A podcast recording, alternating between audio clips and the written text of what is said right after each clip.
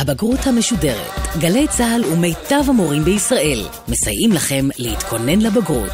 והפעם, סמלת פיי גוטמן והמורה מיקה בארי מתיכון הדרים בהוד השרון מתכוננות לבגרות בספרות. שלום שוב, אתם על הבגרות המשודרת בגלי צה"ל. אנחנו מתכוננים יחד לבגרות בספרות עם סיכומי פרקי השירה והסיפור הקצר. אני פיי גוטמן, חיילת בגלי צה"ל, איתנו לאורך כל הדרך מיקה בארי, מורה לספרות בתיכון הדרים בהוד השרון. שלום מיקה. שלום. הפעם בבגרות המשודרת הסיפור הקצר. נתמקד בעיוורת מאת יעקב שטיינברג וחיזו בטטה מאת סמי ברדוגו. אבל לפני הכל, כמה דברים שמאוד חשוב לדעת על הסיפור הקצר.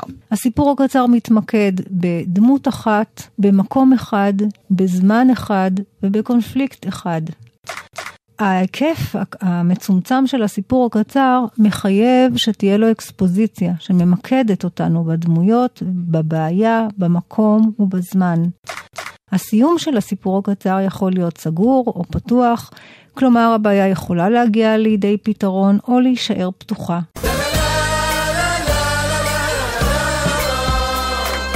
נתחיל עם העיוורת. הדמות המרכזית היא חנה, שאפילו לא מוצגת דרך השם שלה, אלא ישר דרך המום שלה, העיוורון. עצם כינויה של חנה באמצעות המום שלה ולא באמצעות השם שלה, אומר הרבה על יחס החברה אליה. זוהי העיוורת, אין לה אישיות מעבר לזה. בחורה שחיים מוגבלים נכונו לה, אין חשיבות לכישורים שלה. היא לא אדם פרטי, היא לא אדם מיוחד. Uh, בעצם הסיפור, העיוורת לא עוסק בהתמודדות שלה עם העיוורון שלה, כמו עם ההתמודדות שלה בחברה שרואה בה אדם שהוא, אין לו שום סיכוי. והחלק הראשון של הסיפור הוא האקספוזיציה. מה אנחנו לומדים ממנה? הסיפור נפתח כשאימא של חנה מציגה בפניה שידוך אטרקטיבי, גבר בן 30, אלמן, סוחר טבק, בלי ילדים, בעל בית גדול וחצר גדולה, שמחפש להתחתן שנית. היא לא מאמינה לדברים שאימא שלה אומרת לה, ויש תנועת יד ששטיינברג אה, מייחס לה, היא מחזיקה בשולחן, ואימא שלה מסלקת את היד שלה מהשולחן. זו מטאפורה מאוד יפה לתאר את היחסים ביניהם. חנה אה, מחזיקה בשולחן כחיפוש של עוגן של יציבות, ואילו אימא שלה מסלקת את היד שלה משם, כדי להשאיר אותה בתוך אה, חוסר שליטה וחוסר ידיעה. המצב של האימא האלמנה ושל הבת העיוורת לא דומה למצבו של הגבר האלמן. הוא מחפש לעצמו אישה חדשה הוא הבוחר, חנה היא הנבחרת, הוא הפעיל והיא הפסיבית, בפניו עומדות אפשרויות, בפניה לא עומדת שום אפשרות. האם אה, היא לא אישה רעה. אה, כאישה אומללה, אין לה, אין לה שום אפשרות אה, לדאוג לבת שלה, שתיהן לא יכולות להסתדר בלי גבר. אבל העיוורת מבחינתה לא יושבת בשקט. היא מנסה בכל האמצעים שיש לה להשיג מידע על החיים שלה, ובעיקר על התעלומה שמעסיקה אותה ואת הקוראים מתחילת הסיפור, מיהו הבעל, מה העיסוק שלו ואיפה בכלל היא גרה. באמת uh, הסיפור כולו ממוקד וצועד עם חנה יד ביד בדרך שלה להתמודד עם השאלה הגדולה של חייה, uh, מה קורה איתה? Uh, למה, למה היא נשואה לאיש הזה ומהו סודו? ולצורך כך היא משתמשת uh, בחושים שלה. כן, מה שהופך את הסיפור לחוויה מיוחדת במינה, סוג של חוויית עיוורון לקורא הרואה. לא אומרים לו שום דבר שחנה לא יודעת. זאת אומרת, הוא שרוי איתה בתוך המגבלה שלה.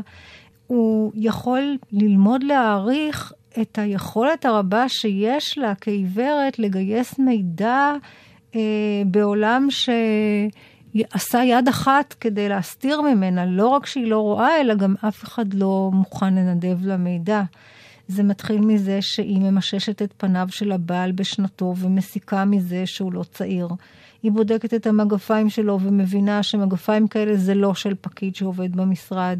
היא שומעת את השיעול שלו ויודעת שהוא עובד בחוץ תחת כיפת השמיים, מן הסתם. כשהיא נוסעת בסוף ההיריון שלה, אז הנסיעה ארוכה וחוצה כפרים, כפר של ערלים, היא מסיקה את זה לפי נביחות הכלבים. אה, היא שומעת את עוצמת הרוח בחצר הבית של הבעל ומבינה שהם נמצאים בשטח פתוח. כשהעגלון שהסיע אותה לשם דופק עם המטה שלו על החלון של הבית, היא מסיקה שהחלון קטן. לפי הצליל שעושה הדפיקה על הזכוכית, מכאן שזה לא בית של יהודים, ששם יש חלונות גדולים.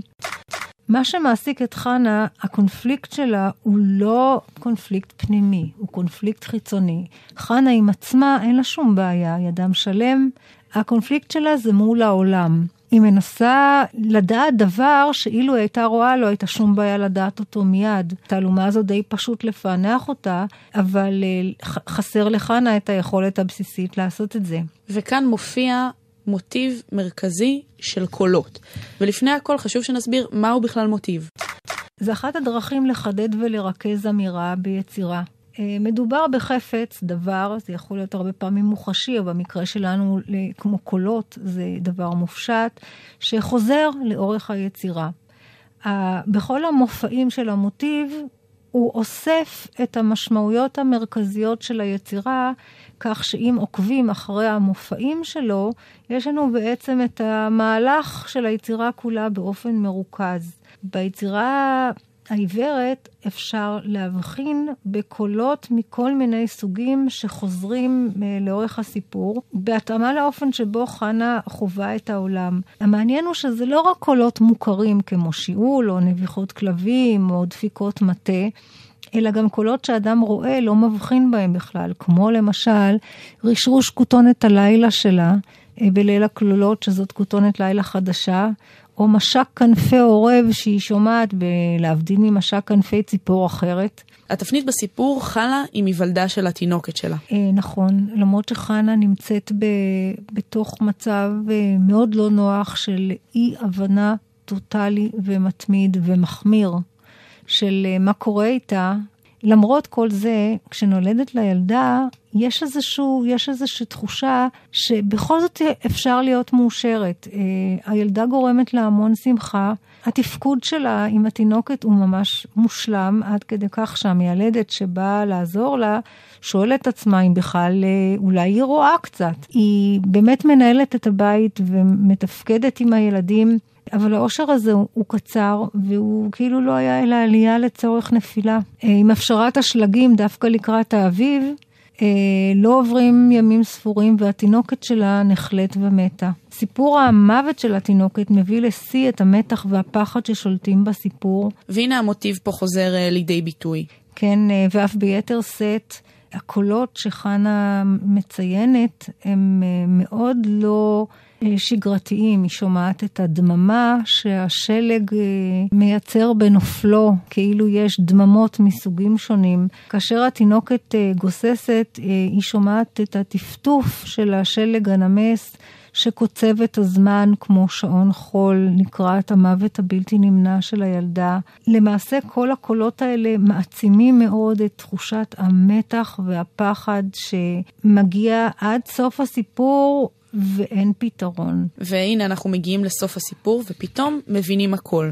מדובר פה בסוף פואנטה. מה קורה שם? כאשר התינוקת מתה, חנה העיוורת יושבת על יד מיטתה ואומרת אה, שיבוא נא הקברן את התינוקת לא אתן לו. כמה דקות אחרי זה היא ממששת את המיטה והיא מוצאת שהתינוקת כבר לא שם. אה, רק אדם אחד יכול היה לקחת את הגופה וזה הבעל. כשחנה רץ אחריו בצעקות שבר, ישראל, היכן התינוקת, היא עושה את מה שאסור לה לעשות ויוצאת פעם ראשונה מהבית, היא נתקלת במצבה. ומבינה במישוש ביחד עם הכורת כל מה שלא הבנו, בעלה הוא הקברן, ביתם בבית הקברות. התובנה הזאת היא פואנטה. ומהו סוף פואנטה? זה איזושהי נקודת מפנה שמהפכת את כל מה שהקורא הבין על הסיפור הזה עד עכשיו. אחרי שנודעת לנו האמת על זהותו של הבעל, מתברר בקריאה נוספת, בקריאה חוזרת, שלאורך הסיפור כולו היו זרועים רמזים רבים לזהותו, אה, שלא הבחנו בהם לכל אורך הדרך. איזה דברים למשל? למשל, כאשר אה, דפקו לרבי ישראל על החלון באמצע הלילה והוא היה יוצא בניחותא בלי להתרגש וחוזר מלוכלך בבוץ עם כסף בכיס, זה די ברור מה הוא עשה שם. כאשר עוברות שיירות מתחת לחלון, אנחנו יכולים להבין שזו הלוויה. כאשר הבעל יושב ורבי ישראל מספר לחנה העיוורת שתינוקות רבים מתים ממגפה בזמן האחרון, זה מתברר להיות אירוני משום שבעצם אפשר להבין שהוא רצה לשתף אותה בזה שהולך להיות להם חודש מוצלח כלכלית. וגם האירוניה באה לידי ביטוי כמה פעמים בסיפור הזה. אירוניה היא צחוק מר. זה מצחיק, אבל זה מאוד עצוב. כאשר היא צועקת יבונה הקברן, את התינוקת לא אתן לו, והיא בעצם אומרת את זה לקברן. הפואנטה הופכת את, ה, את האמירה הזאת לאירונית. או כשהוא מספר לה על התינוקות שמתים, והיא שואלת בשביל מה הוא עושה את זה? הוא רוצה להרגיז אותי? הוא רוצה לגרום לי למתח? הוא עושה את זה בדיוק מסיבה הפוכה. הוא פעם ראשונה עושה שיחה עם אשתו על העבודה שלו, והוא רוצה לספר לה כמה מצליח החודש הזה הולך להיות להם. זה אגב מתאר מאוד יפה את, ה, את האישיות שלו ומה שהמקצוע שלו עשה לו. הוא הפך להיות אדם מפלצת, אין לו שום רגישות, לא נראה שהוא מתרגש ממותם של תינוקות, גם לא נראה שהוא מתרגש ממותה של בתו שלו, סביר להניח גם שהוא זה שהדביק אותה, אילו הוא היה אומר לחנה את הזהות שלו, או לפחות נשמר בעצמו מהקשר איתה, אולי היא הייתה בחיים. הפתרון של התעלומה לא מביא לתחושת הקלה, כמו שקורה בסיפורי מתח, שבהם מתגלה רוצח למשל, והצדק שב לשרור בעולם והוא בא על עונשו. להפך, הפתרון של התעלומה הזאת מביא איתו רק שורה של מועקות קשות עוד יותר. מועקות וגם תובנות. כן, תובנה חברתית, קודם כל, על מעמד האישה בחברה היהודית שהיה מאוד נמוך, אין לה זכות לדעת, מותר להגיד לה לא לצאת מהבית. תובנה נוספת היא ברמה הפילוסופית, וזה באמת לראות את כל הסיפור כולו כסוג של מטאפורה לחיי אדם. והעיוורת היא עכשיו לא אישה ולאו דווקא עיוורת, אלא היא כל אדם. שהחיים שלה בצידו של קברן, זה החיים של כולנו, בצידו של המוות. ויכול להיות שהחוסר מודעות שלנו לזה, העיוורון שלנו לזה, מגוננים עלינו מפני הידיעה הקשה הזאת, שהמוות יכול לבוא בכל עת ואין שליטה על מהלכיו.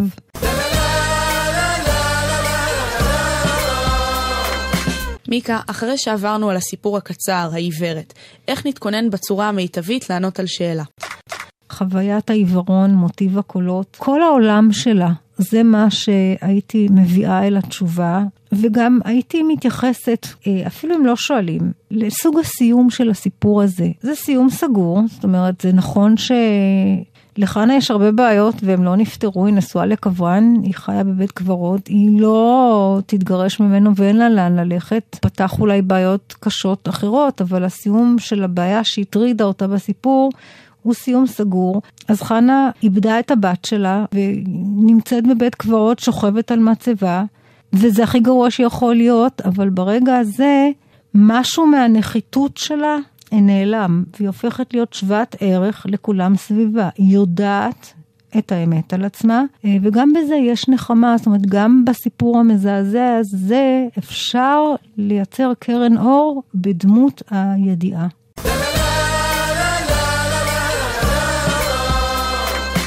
מסיפור קצר אחד לסיפור קצר אחר, עכשיו אנחנו עם חיזו בטטה מאת סמי ברדוגו. לפני שנפתח דיון בסיפור, אני רוצה להתייחס למילה חיז'ו, שהיא גזר במרוקאית, אבל בסיפור המילה כתובה בלי הפסיק מעל הזין, כלומר חיזו. היות שהטקסטים לא מגיעים מוקראים, קורה לפעמים שמורים ותלמידים הוגים את המילים באופנים שונים, סמי ברדוגו בעצמו יסביר לנו כעת כיצד התכוון שנהגה את השם. בשפה המרוקאית הרי חיזה נקרא על שם גזר, זה שם הכינוי של הדמות המספרת, הדמות הראשית, ולא חיזו. האימא שהיא, סביר להניח, המהגרת, שהגיעה משם לכאן, ושברשותה כנראה עדיין נמצאת השפה המרוקאית, הטהרתה, בזמן שהבן הוא כבר במובן מסוים כאן. הוא איכשהו נטוע בישראליות, למרות הקרבה המאוד גדולה אל אימא שלו. העובדה שהוא לא אומר חי ז'ו ואומר חי זו מלמדת שהוא כבר לא משמר את השפה המקורית, אולי גם את העולם והמנהגים המקוריים למרות קרבתו אליה. והבחירה מודעת או לא מודעת שלי להשתמש בחיזו ולא בחיז'ו כנראה נובעת מכך, מהפער הבין-דורי בין האימא לבין הבן, ולכן הסיפור נקרא חיזו בטטה ולא חיז'ו בטטה. אני מתנצלת מראש שמכוח ההרגל אומר כנראה לעתים חיז'ו, למרות שיש לומר חיזו. הסיפור שלנו אה, מסופר אה, בגוף ראשון, אני, חיז'ו הוא הבן הבכור של האם, הוא בן 16, היא קראה לו ככה, משום שהיא החליטה שיש לו עיניים קורנות ולכן הוא צריך לאכול גזר, כי גזר טוב לעיניים. ושמעון היה תינוק שמנמן, ולכן צריך להאכיל אותו הרבה בטטות. החיבור בין תכונות הילד לבין הירקות הוא מופרך ונטול כל היגיון, אין פה שום אמת אה, לא רפואית ולא אחרת. הוא מבוסס על כישורים מוזרים, על אי-הבנה ועל אי-ידיעה, וזו גם הבחנה שגויה, אה, כי ילדים הם בדיוק ההפך ממה שאימא אמרה. חיז'ו, הוא, הכוח שלו זה בלהצליח איכשהו לא לראות את האמת על חייו. ושמעון רזה וספורטאי. בשכונה נודעה הבקשה הקבועה שלה לקנות גזר ובטטה, והשמות האלה דבקו בה והפכו להיות כינוי לאישה עצמה. ויש בזה מן הגנאי. זה לא כל כך נעים לשמוע את זה. נכון, אין ספק שגם אם יש בזה חיבה, אז יש בכינוי הזה זלזול וגם לעג, אבל מעניין שהתיאור של חיזו את החיים שלו עם אימא ואחיו, לא, לא משקף כעס ולא בושה. יש תיאור אפילו אה, שיש בו המון שמחה של אה, חיז'ו ושמעון אה, בטטה אה, עוזרים לאימא במרפאה לנקות לקראת ביקור של המפקחת, ותמונת הניצחון של שלושתם הולכים מחובקים ומחויכים. מסתיימת בניסוח שלושה שלא מסתכלים לצדדים ולא חושבים אם מסתכלים עליהם. נדמה, לכאורה, בקריאה הראשונה, שיש בזה איזשהו חוזק ושביעות רצון. בין האחים, בין אדי לשמעון, יש הבדלים מאוד משמעותיים. כן, אה, שמעון הוא ילד בן 15, ספורטאי ורזה, בדיוק ההפך מהבטטה שאימא שלו אבחנה אה, בלידתו.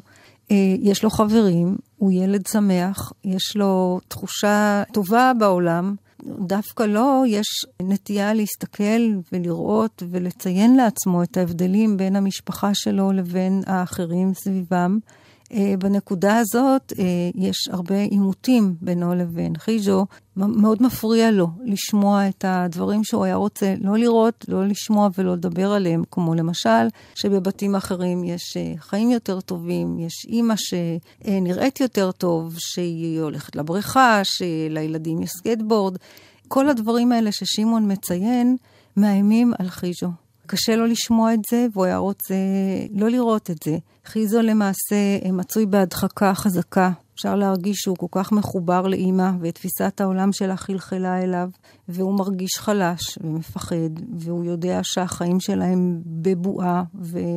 שבכל רגע הם יכולים להסתיים והבועה הזאת תתנפץ. יש לו ראייה שרוצה לצלם ולזכור, לא ראייה שהיא ראייה חוקרת, חושבת או ביקורתית. והראייה הזאת היא ממש מוטיב, ולאורך כל הסיפור אנחנו שמים לב לנקודות האלה שאדי רואה ואולי לא רואה באמת, ושמעון רואה למשל את המציאות נכוחה. בכלל הפועל לראות, להסתכל, חוזר הרבה פעמים בסיפור. כאשר uh, חיז'ו uh, אומר לשמעון, מה קורה לך? תפסיק להסתכל, אני העיניים שמסתכלות. כששמעון שואל אותו, עד מתי נחיה ככה? אז הוא אומר uh, שהוא הראה לו אור שאסור לראות. כל השימושים לאורך הסיפור במושג ראייה קשורים בלא להסתכל. שלושה שלא מסתכלים לצדדים ולא חושבים אם מסתכלים עליהם, זה הוא קיבל מאימא, לא להסתכל. אה, שמעון הרבה פחות מרחם על אימא, למעשה הוא מתבייש בה, במנהגים המשונים שלה לשים ביצים ועגבניות מתחת למיטה כי יש שם חושך וקריר, כאילו אין מקרר בבית. אלה באמת מנהגים מוזרים של אישה שמביאה אותה מתרבות אחרת, מזמן אחר. ושמעון יודע שכך לא מתנהגים כאן, חורה לו שהיא שונה, שהיא לא מסתגלת, שהבית שלהם נמצא בשוליים של התרבות המקומית. הוא מטיח את זה בפניה, וזה מאוד מכאיב לחיזו, גם כי הוא מציב בפניו אמת, וגם כי הוא פוגע באימא. אני חושבת ששמעון הוא למעשה הסיכוי של חיזו. אה, הוא הדרך שלו להיחלץ מהתקיעות ומחוסר השייכות. אה, וכשהוא מתרחק מאימא, חיזו, אז הוא מתקרב לשמעון, ואפשר לראות את זה בנסיעה במונית. הנסיעה במונית זו סצנה מאוד יפה בסיפור. הם נוסעים אה, לחתונה, וכשהם יוצאים מדלת אמות תו של הבית אל העיר, שמעון פותח את החלון ונותן לרוח לזרום על הפנים שלו, יש לו חשק להיות חלק מהמציאות שבחוץ, הוא מחכה לרגע שהמונית תעצור והם ירדו. ואילו חיזו יושב ומסתכל על שמעון, החוץ ממש לא מעניין אותו, והוא מעיד על עצמו שהוא נוס... רוצה רק לנסוע ולא להגיע, כי בנסיעה הוא מרגיש מוגן במונית. הראייה שלו את העולם היא עוברת כל הזמן דרך הפילטרים של פחדים ושל זרות, וככל שמתרחקים מהבית עופף אותו עצב. הבית זה עוגן, וכל יציאה מהבית זה סוג של פרידה פוטנציאלית, כאילו אם הוא יחזור, אולי כבר זה לא יהיה. נקודת המפנה בסיפור חלה כשמפטרים את האימא מהעבודה שלה. הדברים לא נמשכים לאורך זמן, כפי שבתוך תוכו חיז'ו ידע. זה מתחיל מזה שמפטרים את האימא ממקום העבודה שלה, וממשיך באיזושהי הידרדרות של הבריאות שלה, היא מתעוררת בלילה וכואב לה, לה בחזה. מנקודת מבטו של חיז'ו, הכל בסדר, האמא מסתדרת, ולכן הבריחה שלה לפרדס מפתיעה. השכנה מזמינה אמבולנס, ומגיע מגיע אמבולנס שהוא נציג הממסד, כל מה שכל הזמן ברחו ממנו, ו, ופתאום הוא מוזמן להיכנס בנקודת המשבר הזאת לתוך החיים שלהם. זה הרגע שחיז'ו ממש אה, לא יכול להדחיק יותר, אפילו אז הוא אומר לאימא, בואי נלך הביתה. זאת אומרת, יש לו סירוב לראות את המציאות, הוא לא מסוגל לקבל את זה שזהו, שזה נגמר. אבל בתמונה הזאת, למרות ההדחקה, פתאום יש רגע של הכרה. כשיורדים מהאמבולנס, אה, שני בחורים בחלוקים לבנים, והוא קורא להם הסמכות הלבנה בחלוקים, והם בודקים אותה, ויש טפסים, ויש אנשים שמבינים, והם כותבים שם בטפסים ניסיון להתאבדות. ועל הפנים של חיזו אוסף של עובדות מן המציאות שאי אפשר להתווכח איתם. הוא אמנם חושב שהם לא מפרשים נכון את כל מה שקרה, אבל הוא אומר, הרגשתי שאני לא יכול לעשות כלום מול המילים של הסמכות הלבנה בחלוקים. חיז'ו לא יכול יותר לספר לעצמו את הסיפור של עצמו כמו שהוא בוחר. יש סיפור אובייקטיבי שהסמכויות החליטו, וחיז'ו אומר, הרגשתי שהם ההוכחה לכישלון שלנו מול החיים. הוא מודה בפני עצמו שהחיים שלהם הם סוג של כישלון במובן זה שהם לא מצליחים לממש את התוכניות שלהם ולא לשלוט בחיים שלהם, והדברים לא, לא בידיים שלהם. מיקה, דיברנו על סוגי סופים בסיפורים הקצרים. באיזה סוף מדובר כאן בחיזו בטטה? הסוף הוא סגור במובן זה שהבעיה שהייתה, שהסיפור עסק בה, בעיית ההדחקה של חיזו וחוסר היכולת שלו אה, להכיר במציאות, זה נפתר. האם מצבה הוגדר, היא מטופלת אה, על ידי רשויות, אה, היא פונתה מהבית, אה, חיז'ו ושמעון נשארים בבית. אה, אנחנו יודעים שחיז'ו ילך אה, בדרכה של אימא במובנים מסוימים, למשל הביצים והעגבניות יישארו מתחת למיטה, הוא עדיין יישאר ילד של בית, שמעון רץ לשחק בחוץ והוא יישאר שמעון. אנחנו יודעים ששמעון הוא העתיד של חיז'ו, כשחיז'ו נשאר בלי אימא הוא כן רואה בו מודל לחיקוי. דווקא הבכור אה, הולך בדרכו של הצעיר. יש תחושה שהם יישארו צמודים, שינהלו חיים יציבים, שהקשרים ביניהם טובים, ש... שאימא הייתה סוג של מכשול מעל דרכם, וכרגע הם ייפתחו לעולם במידה מסוימת. דואר מחכה לחיזו על השולחן, ובין אה, אחד המכתבים הוא דרישה לתשלום עבור האמבולנס. זה מאוד מקומם, זה חסר התחשבות, זה מזכיר שוב את הממסד הבירוקרטית, חוסר הרחמים שלו. יחד עם זה, הגישה של חיז'ו, הוא מסתכל על המכתבים והוא אומר, עוד מעט אתפנה לכל מה שסביבי. כלומר, אני, אני לוקח את הזמן, אבל אני יודע שאני אתפנה לזה, ואני אפתח את המכתבים, ואני אטפל במה שצריך לטפל.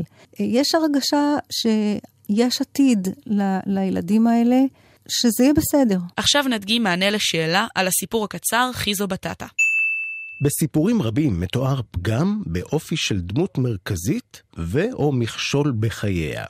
א', תאר את הפגם באופי של הדמות המרכזית ביצירה ואו את המכשול בחייה. ב', הסבר אם הדמות המרכזית מודעת לפגם או מכשול בחייה בשלבים שונים ביצירה, וכיצד היא מתמודדת עם פגם ומכשול זה. הדגם את דבריך. הפגם של חיז'ו הוא העובדה שהוא מתקשה להתמודד ומזדהה הזדהות יתר עם דמות האם, והוא משתדל אה, לא לראות, ובעצם אנחנו קוראים לזה הדחקה, זה, זה הפגם שלו, שהוא, שהוא מדחיק את המציאות, והמכשול בחייו זה בעצם דמות האם וכל העולם שהיא סוחבת איתה ומביאה אותו אל חייו. אני אספר את כל המהלך של היצירה שיש לי אותו בראש דרך המושגים האלה. אה, שם היצירה חיז'ו בטטה מבטא בעצם את המכשול בחייו של אה, חיז'ו. אימא שלו מתווכת לו את הקשר אל המציאות דרך הקשיים שלה. השמות האלה הם שמות אה, לעגניים, ש, שהם לא ישראליים, שהוא נכנס איתם לחיים שלו. כשאני מדברת על הדמות של האם, אני אחזור לנושא של מכשול. אני אחליט שכל פעם שאני מדברת על האם, אני אשתמש במושג מכשול. כל פעם שאני מדברת על חיז'ו, אני אשתמש במושג פגם. אה, זאת אומרת, אני לוקחת את מילות השאלה, מילות הקוד שלה, פגם ומכשול, וכשאני משלשלת את הסיפור שאותו למדתי בבית, ואני מראש הגעתי כשאני יודעת אותו היטב, אני פשוט משלבת את הקודים האלה בתוך התשובה. אני מדברת את מה שאני ממילא יודעת במילים של השאלה. אז מה היה לנו היום?